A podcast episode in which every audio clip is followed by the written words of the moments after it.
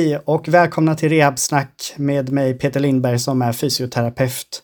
Och idag har jag en eh, speciell gäst med mig, Tobias Kroner. Välkommen till Rehabsnack-podden. Ja, men tack Peter. Jättekul att ha dig här. Vi har ju, eh, vi känner varandra sedan tidigare. Jag har ju, du är ju lärare i MDT bland annat. Eh, och det är där som jag har träffat dig första gången i de, i de sammanhangen när jag har gått kurser i MDT, A, B och C. Um, och sen har vi träffats i andra sammanhang också. Men um, jag har velat ha med dig i podden för att uh, jag tycker att du har gjort ett, du har gjort ett bra av, intryck på mig i alla fall.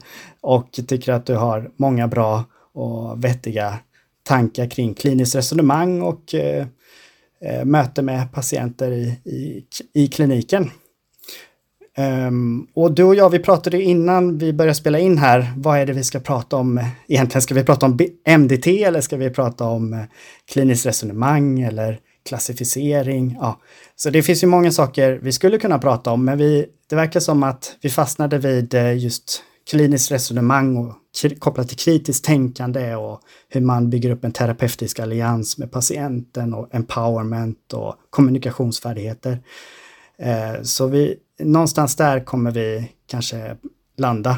Men innan vi börjar så tänkte jag att du ska få presentera dig själv för lyssnarna. Så om du bara kan säga ja, eh, vad du har för professionell titel, vad du har jobbat med tidigare och vad du gör i dagsläget. Mm. Eh, ja, jag är ju den gamla skolan så jag utbildade mig till sjukgymnast som det hette förr i tiden. Eh, och då var det i Uppsala på och då var det faktiskt högskola men innan vi gick ut så blev det, eh, eh, gick vi över till universitet. Men nu titulerar jag mig som eh, specialistfysioterapeut och inom eh, ortopedi.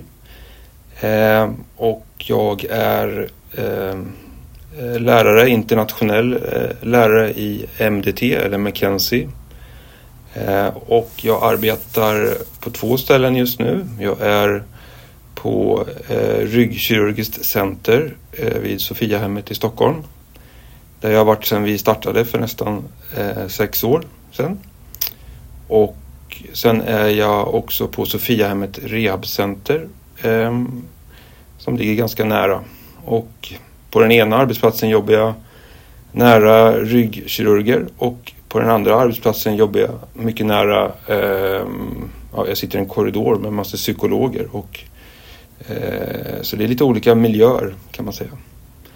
Eh, mm. Och eh, jag har väl jobbat lite varstans genom åren. Jag började i primärvård i Örebro och sen fick jag möjlighet att börja jobba privat eh, och eh, har jobbat på flera privata kliniker i Stockholm. Ehm, men eh, och deltid och sen jobbade jag eh, deltid på Stockholm Spine Center på ryggkirurgen där och bland annat i så här multimodalt smärtteam. Och, eh, jag hade möjlighet att bygga upp att vi skulle sambedöma patienter med ryggkirurger där så att vi tittade på möjliga operationskandidater och ledde det projektet. Eh, och eh, sen fick jag möjlighet att eh, få en spännande tjänst och åkte till Tanzania och eh, undervisade på universitetet där i tre år, eh, fysioterapeuter vid Kilimanjaros fot eh, och jobbade på ett stort eh, traumasjukhus där eh, deltid. Ehm, ehm, så det fick jag med mig i livet. Och sen när jag kom hem så, jag är egentligen östgöte från början, Linköping, så vi skulle flytta hem tänkte vi från Stockholm. Och då fick jag en jättespännande tjänst i primärvården där på Rörelse och hälsa att eh, jobba med sambedömningar och bygga upp ett mentorsprogram.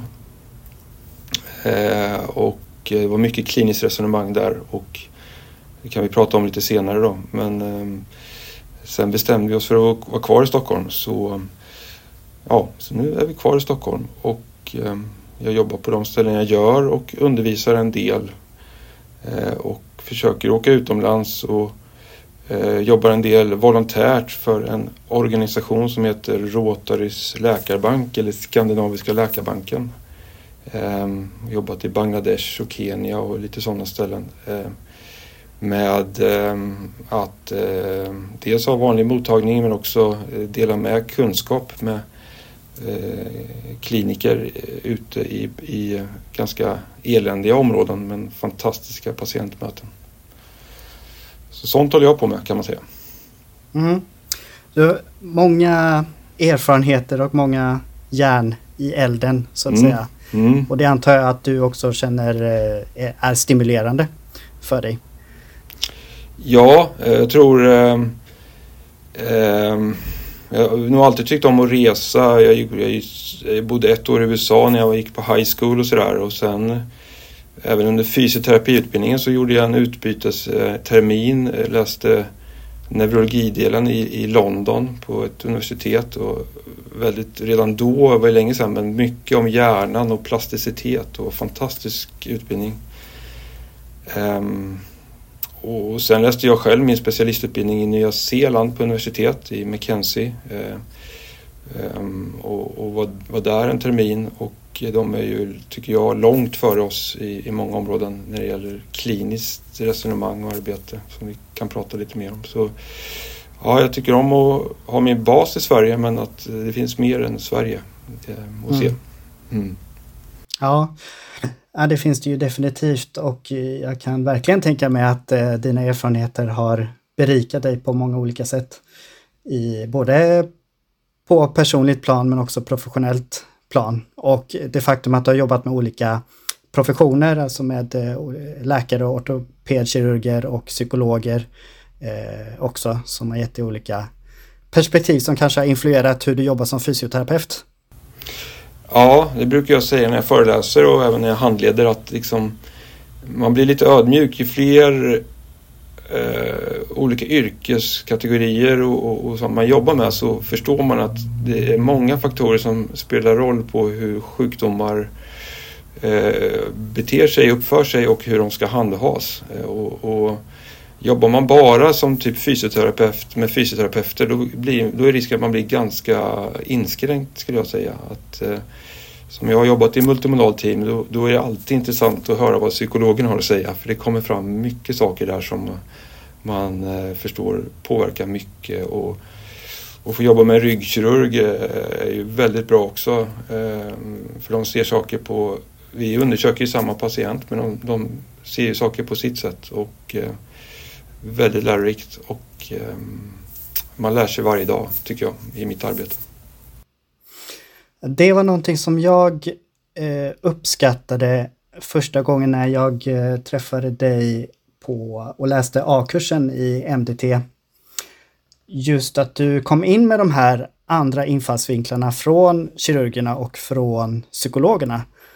Eh, det var väldigt berikande för diskussionen och att förstå ja, eh, ett eh, besvär eller tillstånd och ländryggsmärta som exempelvis då.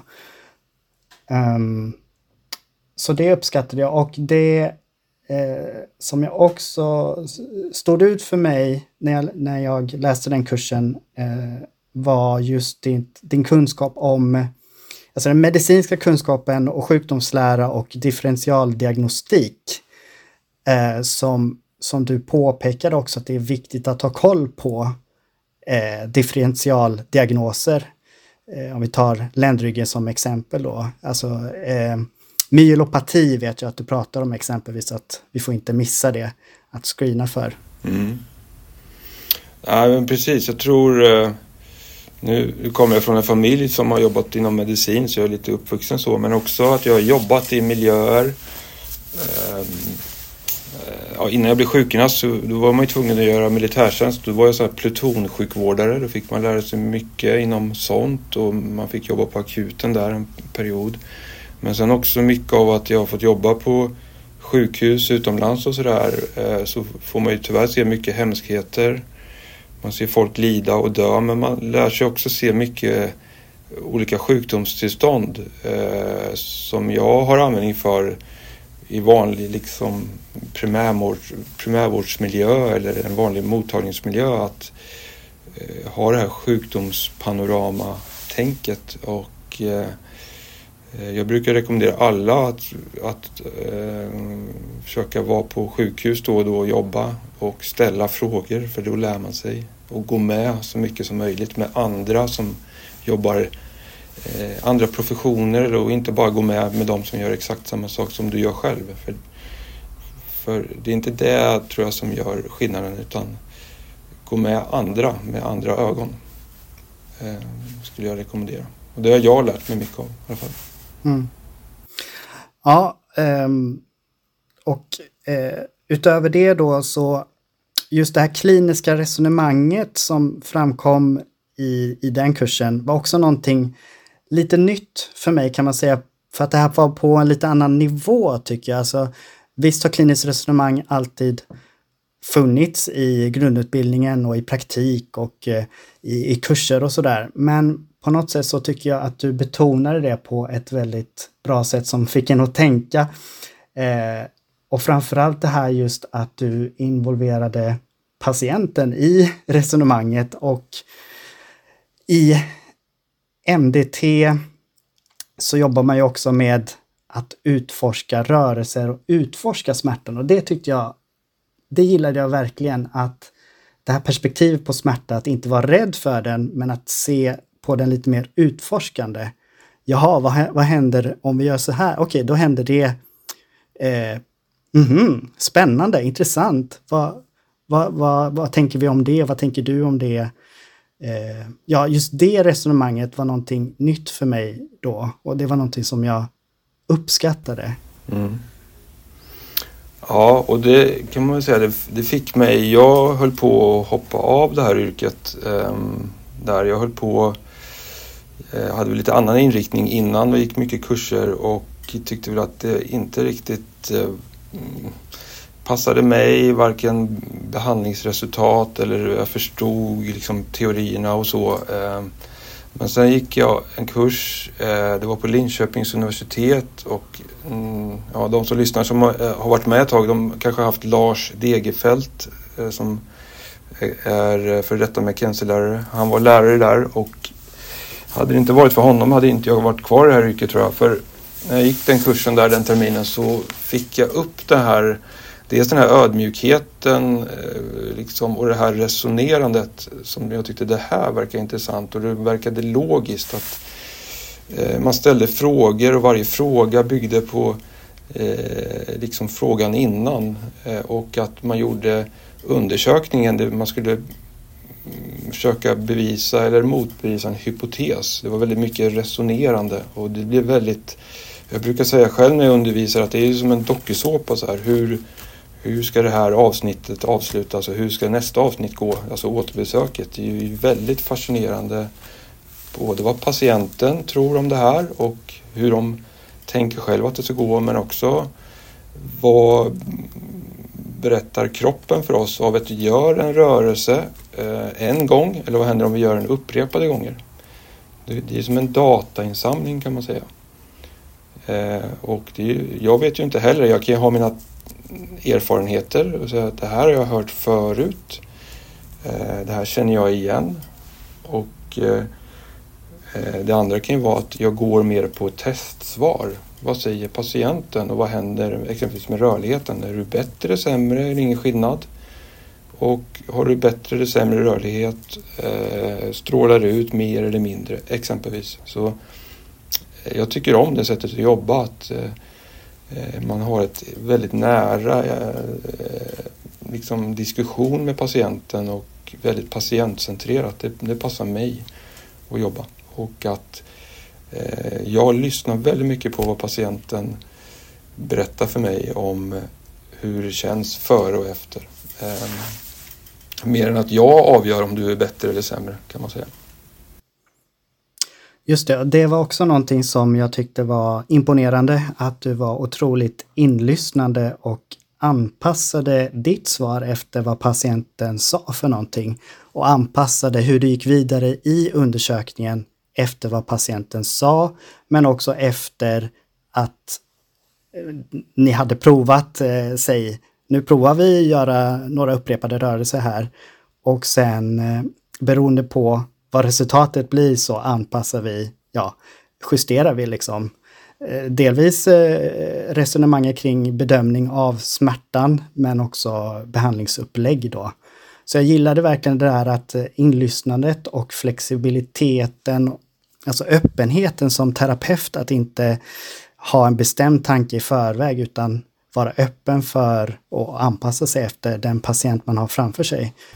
Mm, och, det, mm, och det tror jag är jätte, det är ju lite en konst att lära sig det men det är också att vem, vem har vi Agda 80 år framför oss eller har vi Peter som är rörmokare eller har vi någon ingenjör här eller någon som eh, om jag står i, i, i Kenya i djungeln och jobbar eller om jag är i Bangladesh på en sjukhusbåt så är det liksom vem har jag framför mig och hur kommunicerar jag med den patienten? Det är ju det, är ju det som är dels väldigt häftigt men också som jag fick lära mig, typ, jag hade tur att ha Robin McKenzie som lärare i Nya Zeeland en period och just att, som han sa till oss att första besöket är, är att gain eh, gain their trust, sa han. Att patienten ska ha tillit till oss. Det är liksom halva behandlingen. Sen vad vi gör med dem, det är andra halvan. Men har de inte förtroende för oss, då spelar det inte så stor roll vad vi gör. Eh, om, inte, om de inte känner sig lyssnade på och välundersökta så, så på, spelar det ingen roll vilken behandling ni gör kanske. Och det tog jag åt mig mycket det här att ehm, eh, jag brukar säga också Steven Linton som många känner till, professor. Han, han brukar ju säga i, vi gjorde någon studie med honom där i Örebro och då sa han så här att fyra saker vill patienten ha med sig från mötet. Och, och, säger ni, gör ni de här fyra sakerna då har ni kommit långt i behandling. Och det är ju det här, är det någonting som är farligt, ja eller nej? Och vad är det för diagnos? Varför har jag ont? Eller vad är det för problem? Kunna ge en förklaringsmodell. Och sen också prognos. När blir jag bra? Blir jag bra? Och det sista är vad kan jag göra och vad kan du göra som vårdgivare? Och bara liksom få de fyra sakerna och kanske sammanfatta det på slutet av mötet. Eh, det, det, gör vi väldigt mycket det jag är på ryggkirurgen. Att vi, vi liksom är väldigt tydliga med de sakerna för att många är ju oroliga när de kommer till oss. De eh, är rädda att det är något allvarligt, att de har cancer eller ALS eller de har fått höra någonting och eh, att de måste operera sig. Och så säger vi, du behöver inte operera dig. Det här är inget farligt. Eh, och vi försöker ge en väldigt avdramatiserad förklaring till MR-bilderna som vi visar. Och så säger vi vad de kan göra. Och då är många väldigt nöjda med det. Och det skulle jag själv också varit nöjd med om jag gick med mitt barn eller själv hade ont i magen och orolig. Så, eh, mötet är avgörande skulle jag säga. Mm. Och det verkar ju också mycket forskning visa på hur, hur viktigt det är just eh, med terapeutisk allians. Samtidigt som att vi har så många olika behandlingsmetoder och det visar sig, verkar inte vara någon särskilt större skillnad mellan dem i, i hur effektiva de är att eh, behandla smärta, utan de presterar ungefär lika bra när vi kollar på långtidsuppföljningar då.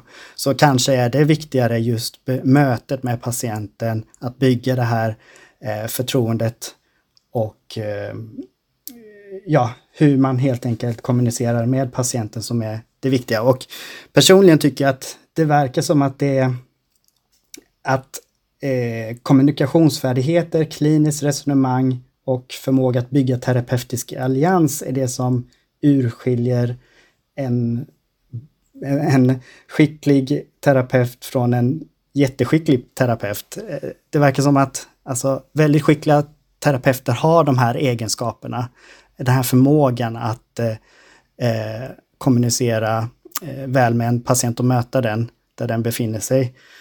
Eh, det är min upplevelse i alla fall och jag vet att du också pratar om att Robin McKenzie hade den förmågan och det kanske var en av hans starkaste eh, förmågor, eller vad säger du? Jo, men många av dem som jag har haft eh, som, som jag har lärt mig mycket av, det har ju varit så att de är oftast trygga, eh, de vet sina begränsningar eh, men också att de liksom kan få patienten att slappna av och liksom öppna upp sig och Eh, ja, som vi har nu. Men liksom, Peter O'Sullivan är väldigt populär nu och så här. Han Tell me your story. Just det här att, eh, eller som vi säger när vi undervisar att tänk dig att du sitter och har en fikastund med en patient och så får de berätta och så eh, istället för att man ställer fråga efter fråga som ett förhör. Det är ett sätt att undersöka eller ta anamnes men det andra är mer att lyssna på patientens story och deras tankar och vad de har blivit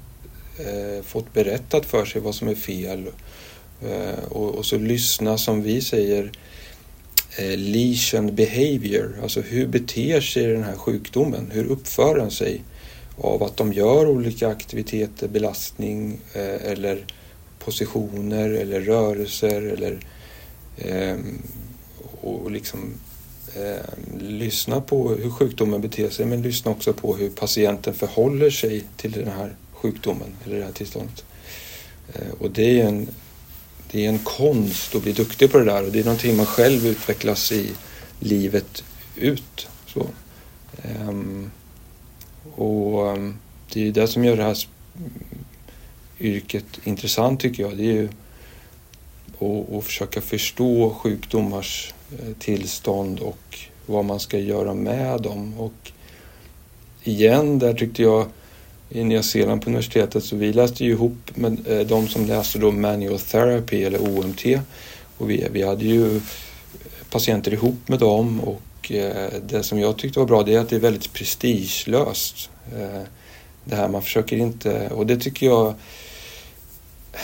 har förekommit och förekommer än idag att man ska försöka visa vem som är bäst eller att ni är inget bra, det där är en dålig metod. Och för mig är det ganska synd att det är sådana diskussioner utan eh, jag tycker de bästa ställena jag har varit på och jobbat och de bästa klinikerna det är de som inte har någon prestige där de gör utan de har ett resonerande. Eh, och eh, eh, jag har jobbat på kliniker i stan där jag skickar till någon eh, kanske mer med OMT eller OMI-inriktning eller jag jobbar med BK-sjukgymnaster. Bara, kan du titta på den här patienten? Vad säger du om det här med dina ögon? Eh, utan att ha liksom någon tävling. Och det förhållningssättet tycker jag, eh, då lär man sig och patienten får framförallt bäst hjälp. Att man inte ska sitta kvar med alla sina patienter för vissa är så här, det här ska skickas till någon annan. Eh, eh, och det har jag lärt mig mycket av att jobba på sjukhus eller jobba i team. Att, nej, det här skriver vi en remiss på till dig eller det här vill jag att någon annan tittar på. Och, eh, ortopederna är väldigt duktiga på det här, att vara ganska kortfattade. Liksom. Nej, det här är inte mitt jobb, det här är inte mitt område. Jag ber om en second opinion. Och det tycker jag är en styrka. Liksom, att kunna säga att... Eller som Robin sa till mig, I don't know, sa han. I don't know. Det är också en styrka att kunna säga att jag förstår inte det här, det här vet inte jag vad jag ska göra med. Och, och skicka vidare. Eh, och inte att det är någon så förlust då, att man är dålig som fysioterapeut eller att det är en dålig metod. Det tycker jag är väldigt tråkigt, det man hör och läser idag, viss jargong, inte minst i sociala medier. Det här att det är ganska, det, jag tror inte det är så bra för våran yrkeskår och jag tror inte det är så bra för patienter heller att det är så. Nej. Jag själv eh, saknar, eller saknade också eh, just det här eh, kollegiala handledningen eller att askutera eller diskutera med varandra fanns inte riktigt tid eller finns inte riktigt tid heller alltid när man jobbar kliniskt i primärvården. Man jobbar ju mycket själv då och då blir det ju att man jobbar i en bubbla. Så för min del, jag har ju sökt mig till sociala medier för att få det här kollega, eh, kollegiala utbytet och kunna diskutera patientfall och kunna eh, reflektera och utbyte av eh, kliniskt resonemang. Så, så det har jag, och det har varit väldigt bra faktiskt. Men jag tror att det är, det är något vi saknar inom vår yrkeskår det skulle vara bra, tycker jag, att man hade någon liknande AT eller att man hade ett halvår eller ett, ett år där man hade någon mentor eller handledare. På vissa enheter har de ju mentorskap. Där jag jobbade tidigare till exempel på Aleris eller det som numera är praktikertjänst har de mentorskap för nya fysioterapeuter och det tycker jag är, är, är jättebra. Eh, men jag tänker på du som också är lärare även på diploma, alltså MDT, diploma högsta nivån då inom MDT. Eh, där är det ju verkligen, som jag har förstått det, att man som lärare är med eh, studenter eller den som utbildar sig i, på, i kliniken och står och observerar men också ställer frågor. Eh, ställer ni frågor under mötet också eller är det efteråt eller både och? Ja, precis. Det är ju, jag kan förklara lite kort då, men många har ju känt till de här ländryggskurserna, typ A-kursen är ländrygg, B är, är nacke, bröstrygg och sen C och D är problemlösning och även extremiteter. Då. Och sen kan man få det här som heter, skriva ett, en examen som heter credential-examen och det är ju ungefär 350 tror jag sjukgymnaster i Sverige idag som har den examen. Och, Eh, Eh, ja, I Danmark och Finland är det över 600-700 i, i varje land där som har det. Så, eh, men sen kan man gå vidare i det som heter diplomautbildningen och det är kanske den häftigaste utbildningen och då, då läser man 12 veckor på distans ihop med fysioterapeuter och ibland läkare då, online där jag är en av lärarna en av veckorna. Och eh, sen gör man då nio veckors klinikplacering någonstans i världen. Och jag åkte själv eh, till Nya Zeeland eh, ihop med eh, bland annat Thomas Kullhed som också är lärare då, från Varberg. Eh, och då läste vi även på universitet där nere så vi läste en hel termin då. Eh, men idag kan man göra det här i Sverige bland annat. Och, eh, ja, det är ett kliniskt mentorsprogram. Att då är vi med på rummet under nio veckor. Eh, och vi går ut och in i rummet där och ibland så får ju då den här fysioterapeuten eh, vara själv med patienten men ibland så sitter vi med och lyssnar eh, och så tar vi en paus och ibland går vi ut och säger vi så här, ja, vad har du för hypotes? Vad vill, du, vad vill du undersöka nu och varför vill du göra det? Och vi har mycket sådana här clinical reasoning-formulär som jag tycker också saknas i Sverige i utbildningen. Just man lär sig liksom resonera fram varför man gör det man gör. Och det, det är både jobbigt att gå igenom en sån utbildning för det är lite som så här Ja, varför gör jag så här och varför sa jag så? så eh, och det här har ju bland annat KBT-psykologerna i sin utbildning. Eh, det är en självklarhet. Eh, när jag kom ner till Nya Zeeland så eh, jag vet, jag hade börjat ha patienter där på, på mottagningen och så, så ställde min fråga, lärare frågan så här Why? sa han. Och bara den frågan Why? Varför? Gjorde du så? Varför ställer du den frågan? Den är briljant och väldigt jobbig att få också. Varför? Ehm, så det där satte jag som en post-it-lapp eh, på min dator sen. Så why?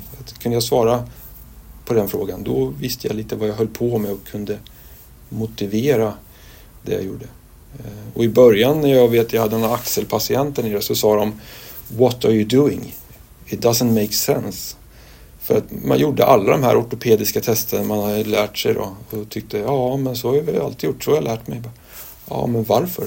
Var, var, varför gjorde du de här testerna och vad har du från anamnesen som gör att du ska göra de här testerna? Vad vill du bevisa? Vad vill du avfärda?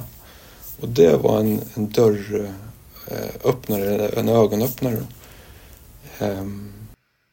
Mm. Och det tycker jag det är bra att det implementeras i eh, MDT-utbildningen, att den frågan kom ju in eh, när vi pratar om eh, klassificering eh, av, i, inom MDT. Eh, varför? Du frågar ju, okej, okay, vad tror ni? Ja, är det derangement? Varför tror du det? Att man måste bygga upp liksom eh, eh argument för och eh, fynd såklart, kliniska fynd. Ja, och så gör ju vi eh, när vi föreläser. Så när vi, vi har ju alltid riktiga patienter på våra utbildningar och då ja, alla som har gått vet ju det, men då har vi anamnes först och sen stannar vi alltid upp och så tar vi helt klass med patientens eh, medgivande framför oss då att ja, vad, vad kan vi ha för möjliga diagnoser och vad, vad kan vi avfärda för diagnoser eh, utifrån bara anamnesen och vad vill vi undersöka nu på sidan två, alltså eh, klinisk kliniska undersökningen och, och, och, varför vill vi undersöka det? Och där får vi in det här resonerandet då som som är väldigt spännande. Och eh, patienterna som är med tycker det är väldigt intressant för de säger att det här har ingen, så här har ingen resonerat med mig. Och eh, jag brukar ju ehm, alltså KBT-psykologerna jag sitter med, de, deras favorit, deras måste-verktyg på deras rum, det är en tavla. Det är där du behöver penna och en tavla, säger de. Och jag är samma sak för mig. Jag är väldigt beroende av att ha min tavla på rummet. För det kan vara så att jag skriver upp vad patienten eh, berättar för mig. Så här, det här är alltså det du berättar för mig. Ja. Och det här är alltså det du har fått förklarat för att du är fel. Så här. Ja, säger de. Okej. Okay. Mm. Eh, och så kan jag ställa frågor utifrån det där. Eh, och ha det här ganska öppnande resonerandet med patienten på en tavla. Och det tycker de ju så här. Det här var ju ett annat sätt att bli undersökt på. Och så gör jag även när jag handleder då. Eh, ha, använder den här tavlan med om det nu är en fysioterapeut, så när vi diskuterar fall, så här, kan vi utesluta någon diagnos så kan man stryka den på tavlan. Så, och, eh, och det är ett sätt att lära sig clinical reasoning. Mm. Ja, det där tror jag väldigt bra Pe eh, utifrån ett pedagogiskt sätt och just eh, eh, att man kan resonera tillsammans med patienten. Det blir väldigt tydligt och eh, transparent. Liksom. Det är förtroendeingivande skulle jag känna som patient. Ja, och det är just att man engagerar sig och man lyssnar på det, och de ser det och sen eh, Ja, det vet ju du som har gått kurs för mig. Jag tycker ju om sådana här skalor, så här 0 till 100 skalor. Så jag brukar ju fråga så här hur, eh, hur mycket litar du på din rygg 0 till 100? Eller hur mycket litar du på din axel 0 till 100? Och hur mycket tänker du på de här besvären? Eh, och Eh, hur frustrerad är du över det här? Och, eh, ja, så jag tycker om de här 0 till 100 skalorna och det säger patienten, det där är aldrig någon som har frågat mig. Och så kommer de tillbaka så här, ja, det där du sa, så här, jag, jag går ju och tänker på det hela tiden och jag är ju livrädd. Liksom. Jag har ju ingen ryggtillit eller så.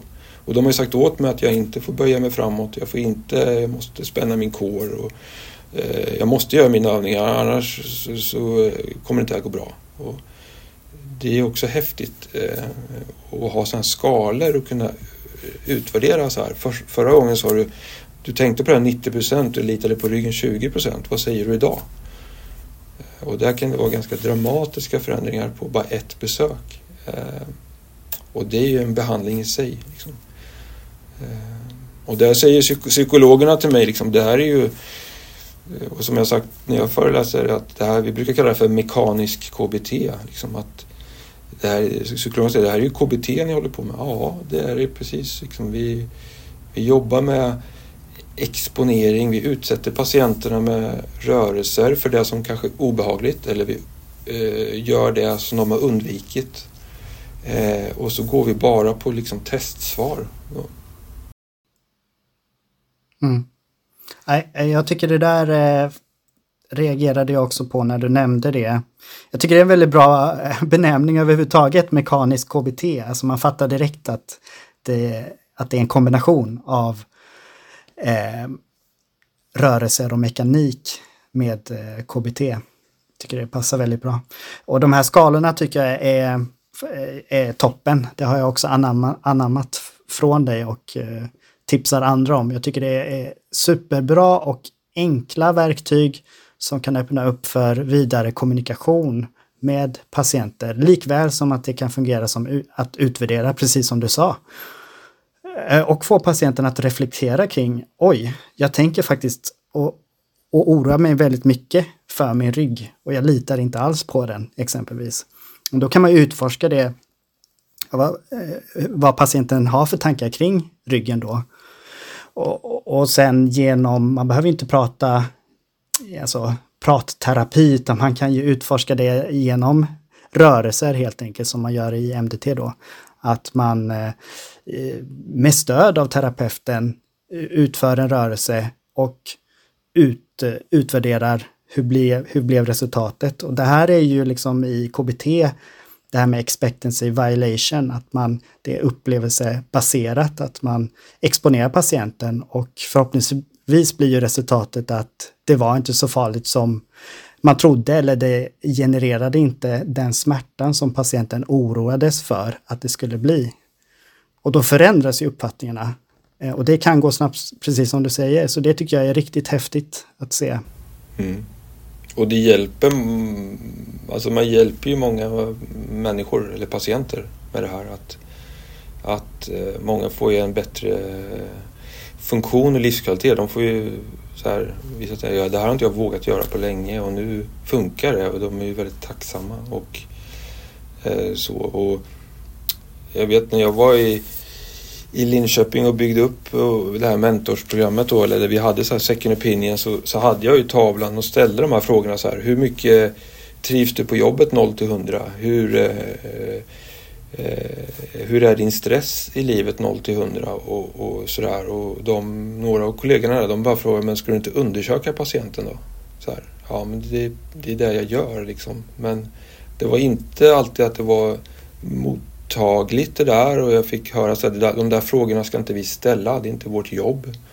Eh, och andra tyckte att det där var ju skitbra och patienterna kunde tycka det var jätteintressant. Men det är inte alltid liksom Mm, och det gäller ju också att känna av så här, när ska man ställa de här frågorna och till vem och hur. Det är en konst att ställa det så att de känner sig eh, liksom bekväma med frågan. Liksom.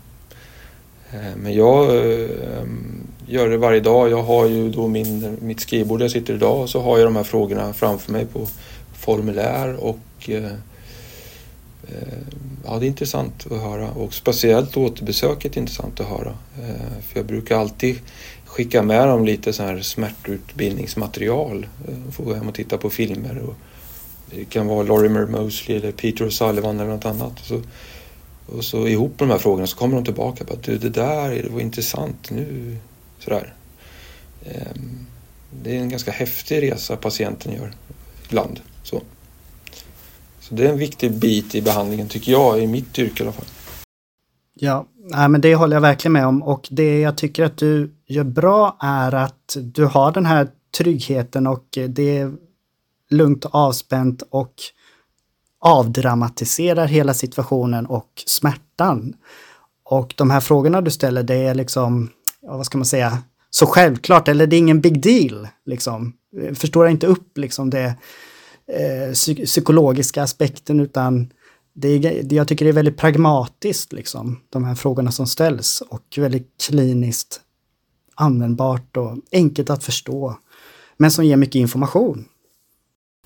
Ja, för mig är de lika viktiga som att ställa alla andra frågor på ett formulär. Liksom, det är en viktig bit i, i, eh, i, i hela anamnesen, är de här. Och, Eh, ja, jag hade tankar för flera år sedan och jag pratade med en professor om det och började forska på det och utvärdera de här frågorna liksom, eh, och validera dem och så vidare.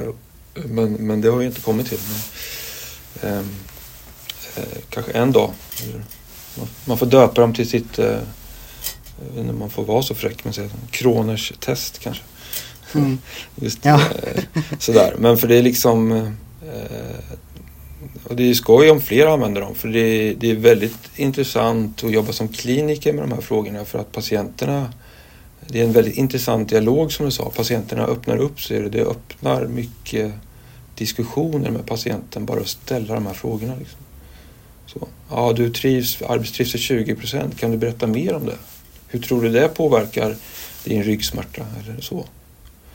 Eh, och det kan ju göra så här, ja men jag tycker du ska träffa en av våra psykologer också när du säger så här. Ja, då är de mer öppna för det. Liksom.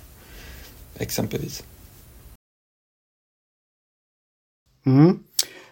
Um, men du nämnde ju i början där att du tycker att Nya Zeeland är, är framför oss i Sverige gällande vissa avseenden då. Uh, har du något exempel där som du tänker på? Nej, men jag tror uh, just det här um, jag vet när jag jobbade på, på universitetet i Kilimanjaro så hade vi eh, fysioterapistudenter termin 5 och 6 där från Australien och Nya Zeeland. Och, och, när jag var med dem på sjukhuset så bara man hörde hur de ställde frågor. Hela deras clinical reasoning var helt briljant. Så här. Och eh, frågade så här, ja men det här får vi lära oss från termin 1 sa de. Liksom, den här, eh, liksom, och de får lära sig, man brukar prata ja, om det är någon som vill läsa om clinical reasoning så finns det en känd författare som heter Jones eh, som har skrivit mycket om det här. Och man brukar prata om en så deduktiv eh, metod. Det innebär att man eh, utesluter diagnos för diagnos. Liksom genom att ställa frågor eller göra tester. Eh, och då kommer man fram till att ja, jag tror att du har en höftledsproblematik, att det inte är rygg och SC-led det är den ena deduktiva och den andra är kanske eh, att man känner igen eh, mönsterigenkänning eller pattern recognition.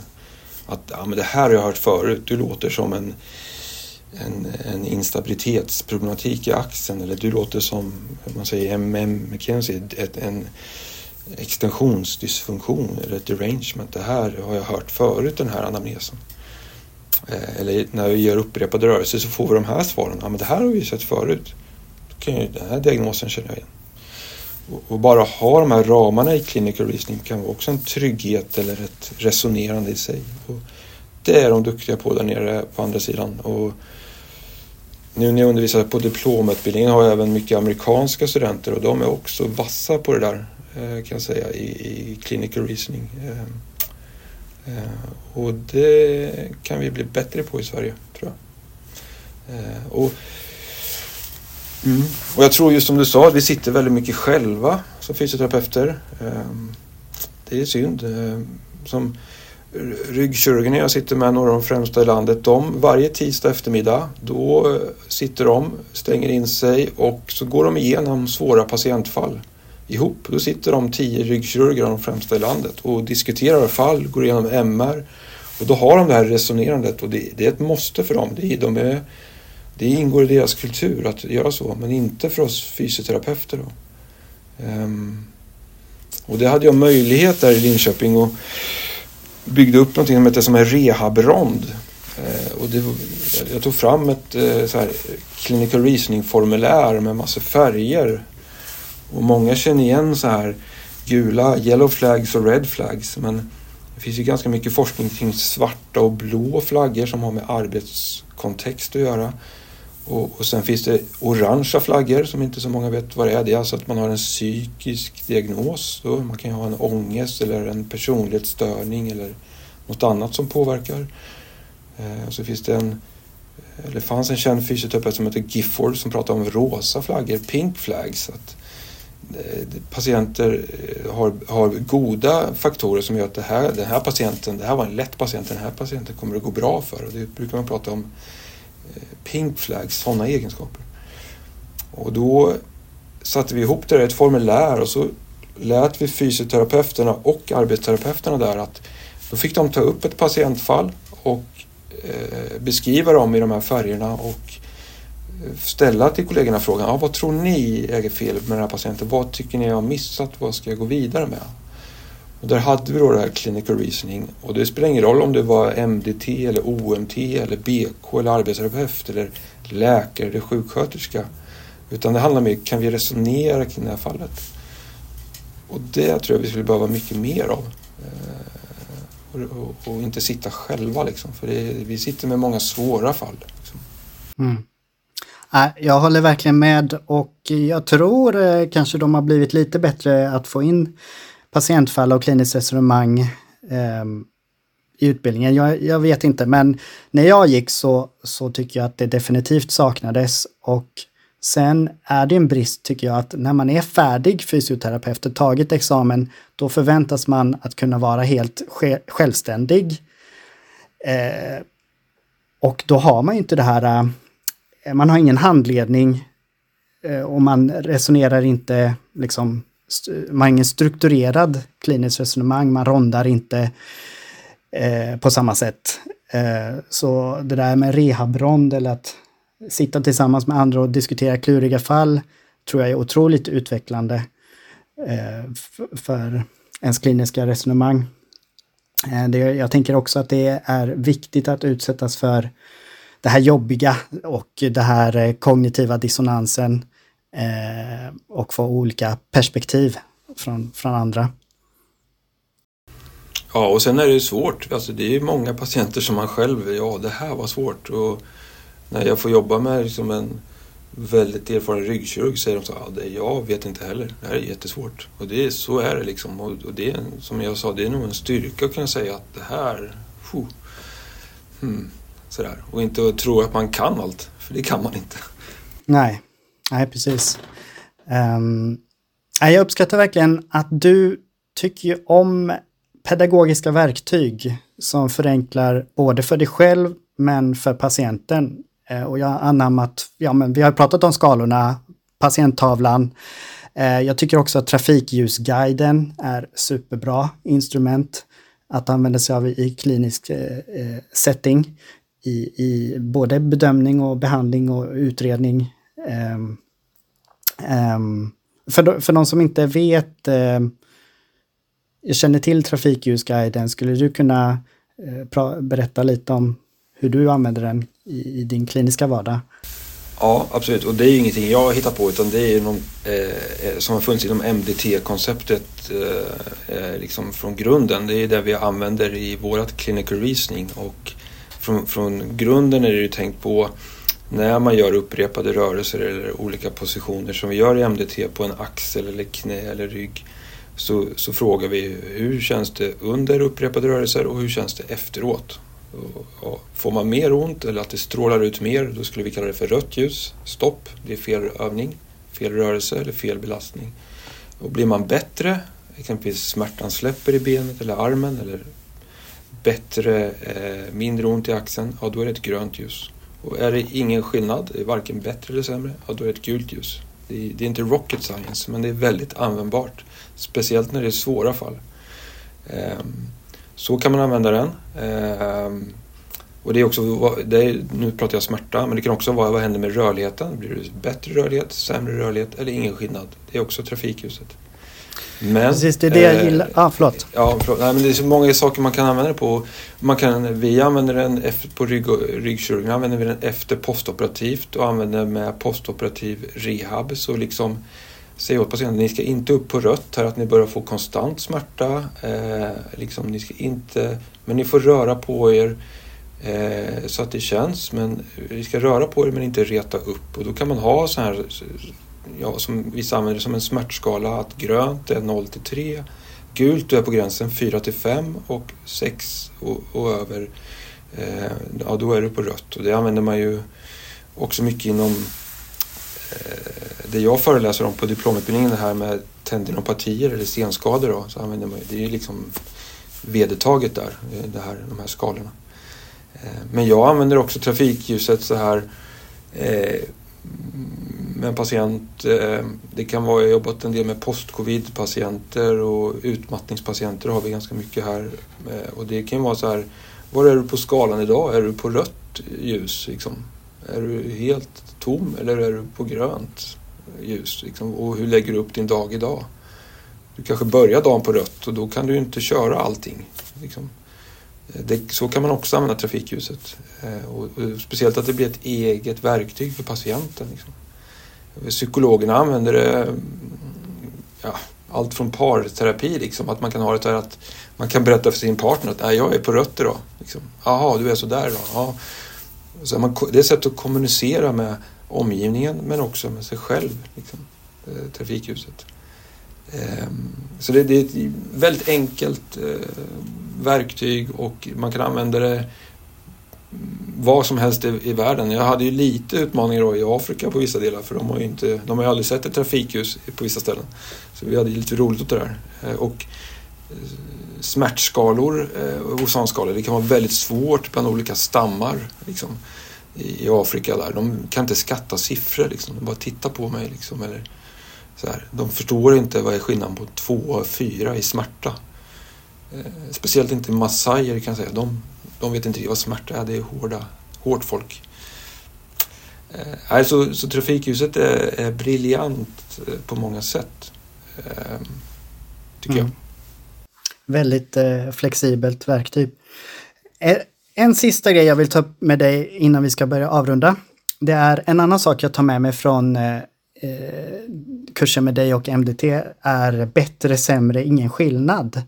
Det tycker jag också är väldigt användbart och väldigt enkelt verktyg för att eh, det styr ju lite hur man ska tänka kring ja, utfallet då. Man provar upprepade rörelser eller någon typ av eh, rörelse och eh, frågar, ja, känns det bättre, sämre eller ingen skillnad?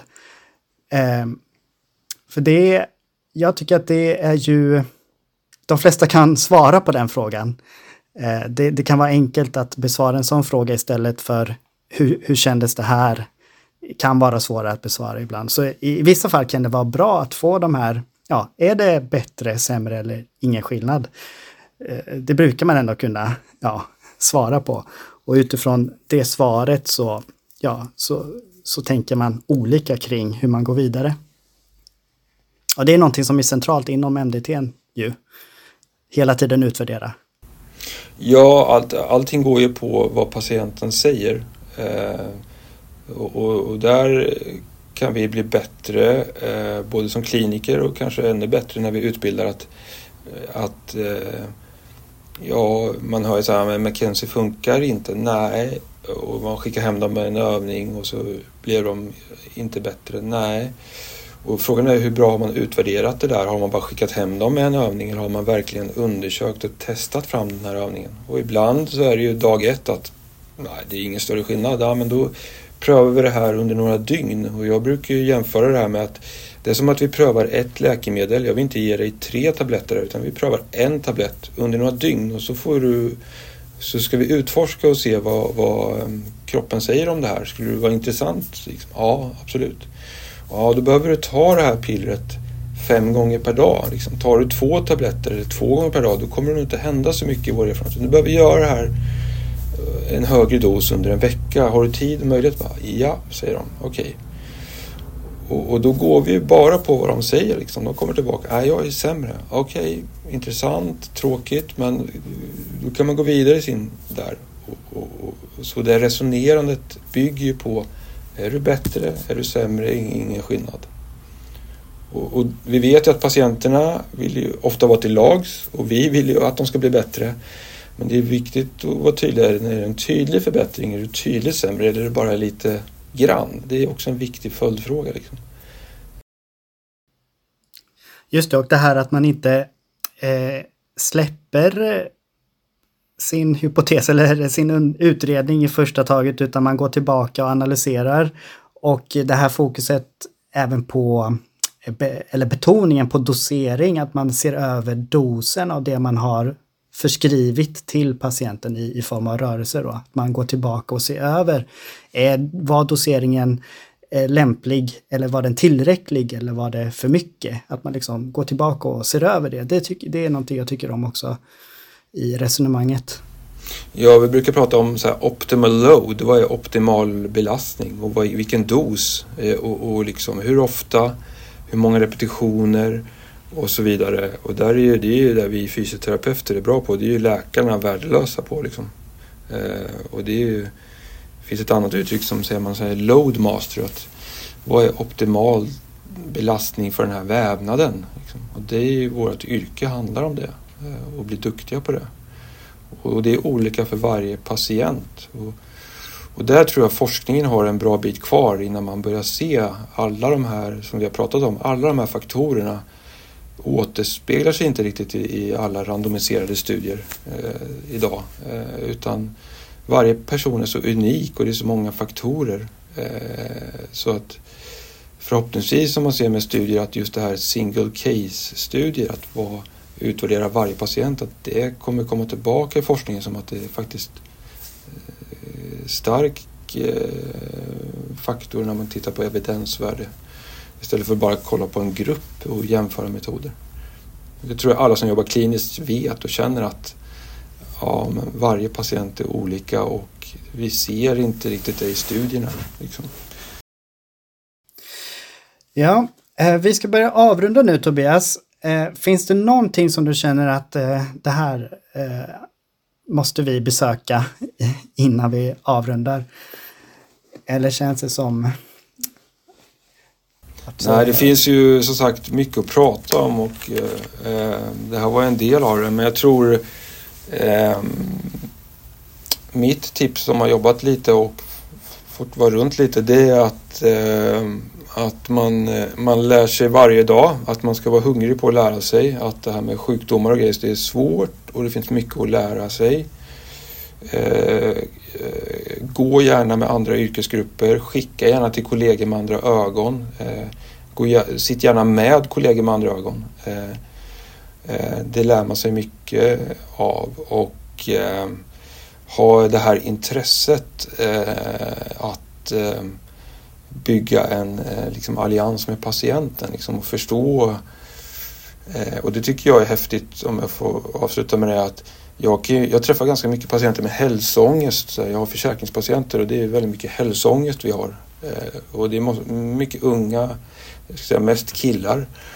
Och, och, och, för dem är det ett enormt lidande. Och, och, eh, sen kan man ha en patient om man står ute på en sjukhusbåt någonstans i, i, i Bangladesh eller något sånt, där jag ser patienter dö varje dag. Liksom. Eh, det är också så. Och, eh, och så har jag någon som har ryggskott i, i Kenya och det är också ett lidande eller någon som har amputerat ett ben. Och för mig är varje person som kommer in har ett lidande och det gäller att förstå och respektera det och förstå vad är optimalt för den här patienten? Är jag rätt instans? Och det är en konst och det är en konst som man utvecklar hela sitt kliniska liv skulle jag säga.